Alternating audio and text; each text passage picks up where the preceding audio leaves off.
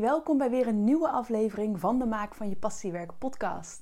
Ik kreeg afgelopen week een vraag uh, van, op eigenlijk naar aanleiding van een van de podcasts, waarvoor dank. Vragen mag je altijd stellen, vind ik ook weer super tof, want dan kan ik op basis daarvan ook weer een nieuwe podcast maken om jullie vragen te beantwoorden.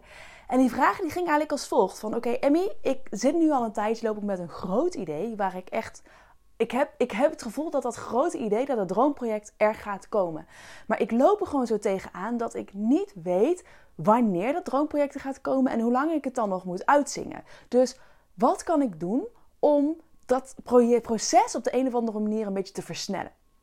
Nou, en ik vind het een hele mooie vraag, omdat ik denk dat die bij veel van ons best wel resoneert. Het is namelijk zo dat we allemaal best wel een droomproject hebben, denk ik. Als je dat niet hebt, is het sowieso misschien goed om daar eens over na te denken. Of hè, waar zou je in ideale situatie willen staan als je over een jaar of drie, hè, als alles mogelijk is, niks houdt je tegen, geen geld, geen tijd, geen energie, geen ervaring, niks. Als alles mogelijk is, waar sta je dan over een jaar of drie?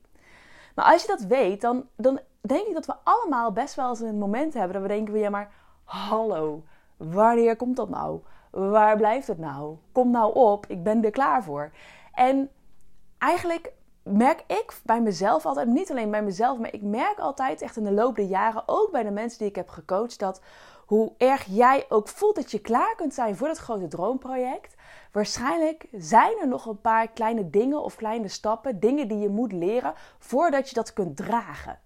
Want wat nou in die ideale situatie als jij bijvoorbeeld een lancering hebt van een uh, een project of van, uh, van een presentatie en er in één keer, ik noem even iets, 500 mensen komen. Kun jij dat aan? Hoe voel je je dan? Stel je dat eens voor. En hoe own jij je stage op dat moment? Hoe kom jij zelfverzekerd over? Wat voor soort presentatie ga je geven? Wat voor soort presentatiestijl? Wat zijn dus kleine dingen die jij waar je nu al over na kunt denken, die jij misschien nog moet leren. Misschien zijn er wel een soort van korte cursussen of iets dergelijks die je wil volgen, waardoor jij je meer empowered voelt, waardoor je uiteindelijk klaar gaat zijn voor die presentatie voor 500 man.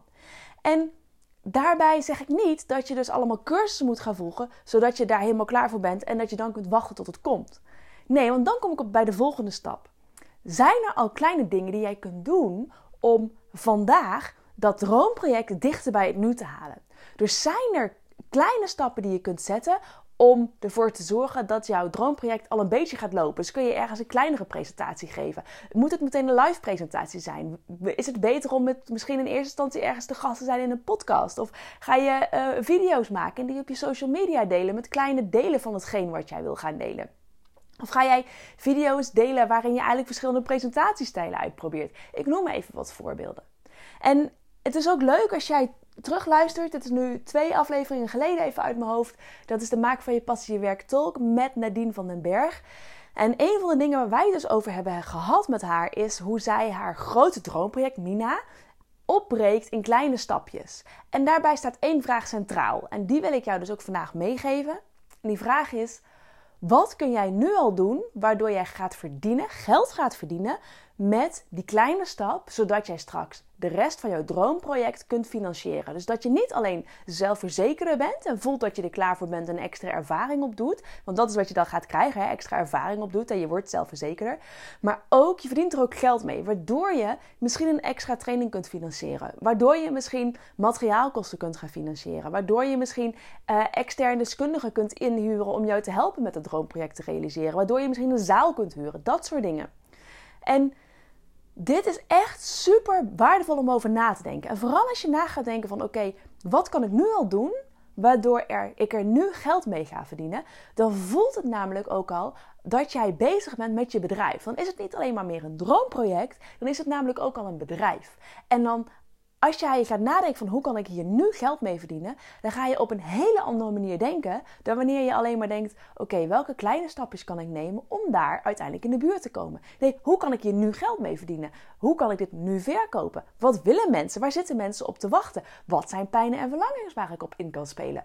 Wat zijn kleine delen waar, mensen, waar ik mensen echt mee kan helpen, waar mensen geholpen mee worden, waar ze echt met liefde voor willen betalen. Wat zijn die kleine dingen? En wat zijn dan die kleine, kleine dingen waarmee jij nu geld kunt verdienen? Hoe ga je dat vermarkten? Hoe ga je dat in de markt zetten?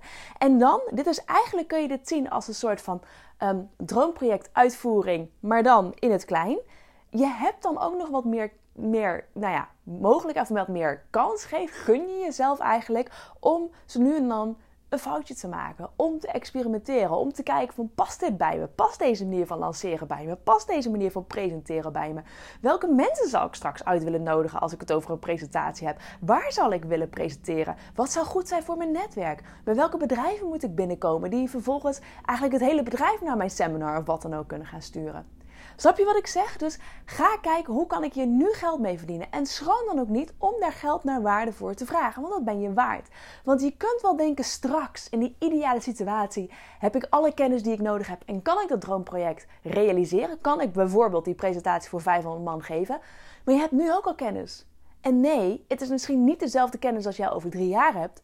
Logisch ook, dat is maar goed ook, want je wordt altijd slimmer, je leert altijd bij. En als je het hebt over perfectionisme loslaten, en in een van de afleveringen over de, in de perfectionisme week, als je een beetje terugscrollt in de podcastafleveringen, zie je een perfectionisme week.